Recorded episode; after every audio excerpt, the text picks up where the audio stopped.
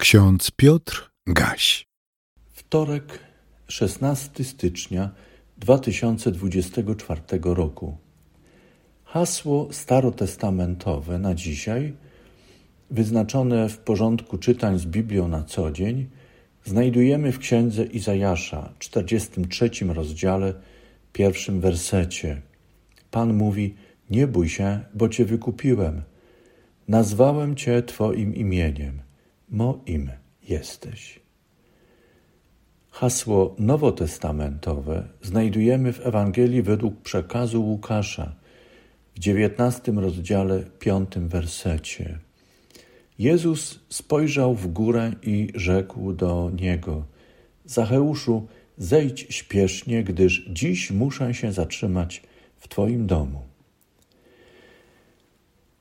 W haśle starotestamentowym słyszymy takie frazy: Nie bój się, wykupiłem Cię, nazwałem Cię Twoim imieniem, moim jesteś.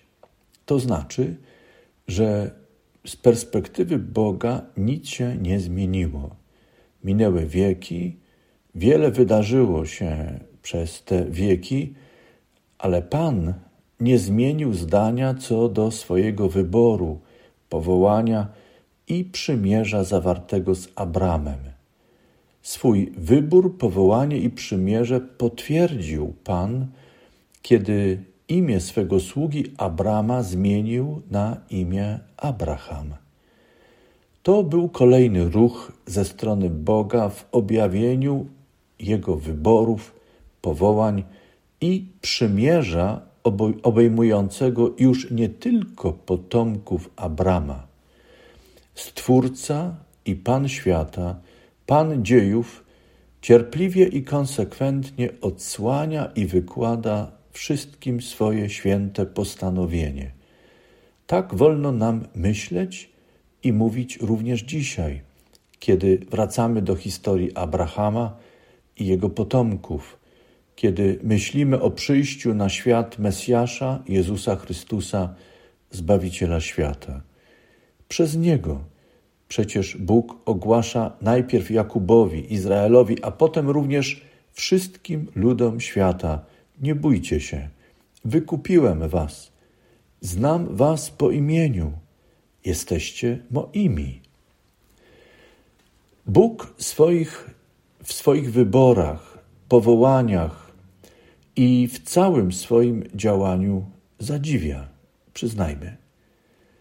Czyż nie zadziwia Syn Boży, Mesjasz, Zbawiciel, kiedy po przyjściu do Jericha, otoczony liczną grupą towarzyszących mu osób i ciekawskich mieszkańców miasteczka, zatrzymał się pod drzewem sykomory, żeby zawołać do siedzącego na drzewie Zacheusza – przełożonego celników w Jerychu. Pan kazał mu zejść na dół i pomimo złej opinii otoczenia o tym człowieku, jakby w opozycji do społecznie przyjętej zasady dystansowania się wobec niegodziwców wszelkiej maści, Jezus wobec wszystkich wypowiedział do Zacheusza słowa, jakby go znał od zawsze. Ewangelista Łukasz napisał w swoim świadectwie, cytuję, a gdy Jezus przyszedł na to miejsce, spojrzał w górę i rzekł do niego, Zacheuszu, zejdź śpiesznie, gdyż dziś muszę się zatrzymać w Twoim domu.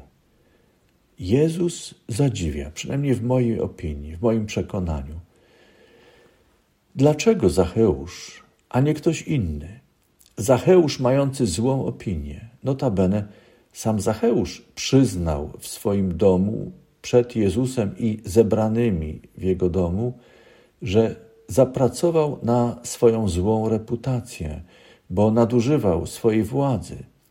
Był nieuczciwy wobec podatników, a zebrany majątek zgromadził dopuszczając się kradzieży, mówiąc wprost. Dlaczego Jezus mówi: Muszę się zatrzymać w Twoim domu? Kto lub co sprawia, że Syn Najwyższego, czysty, jedyny bez grzechu, On, który przyszedł, aby wypełniać wolę Ojca Niebiańskiego, jedynie Jemu, poddany zwraca się do grzesznika Zacheusza i ogłasza niegodziwemu, grzesznemu człowiekowi: Dziś muszę być w Twoim domu. Bóg w swoim działaniu objawia i ogłasza to, co zadziwia, porusza, wzrusza i powinno przemówić.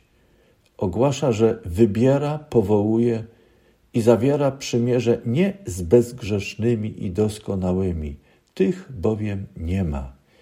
Wszyscy zgrzeszyli, każdy i każda czyni to w sposób inny ale wszyscy bez wyjątku zgrzeszyli i grzeszą. Natomiast Bóg, Bóg nie przestał nas kochać. W dziejach świata ogłosił i utrwalił swoje odwieczne postanowienie.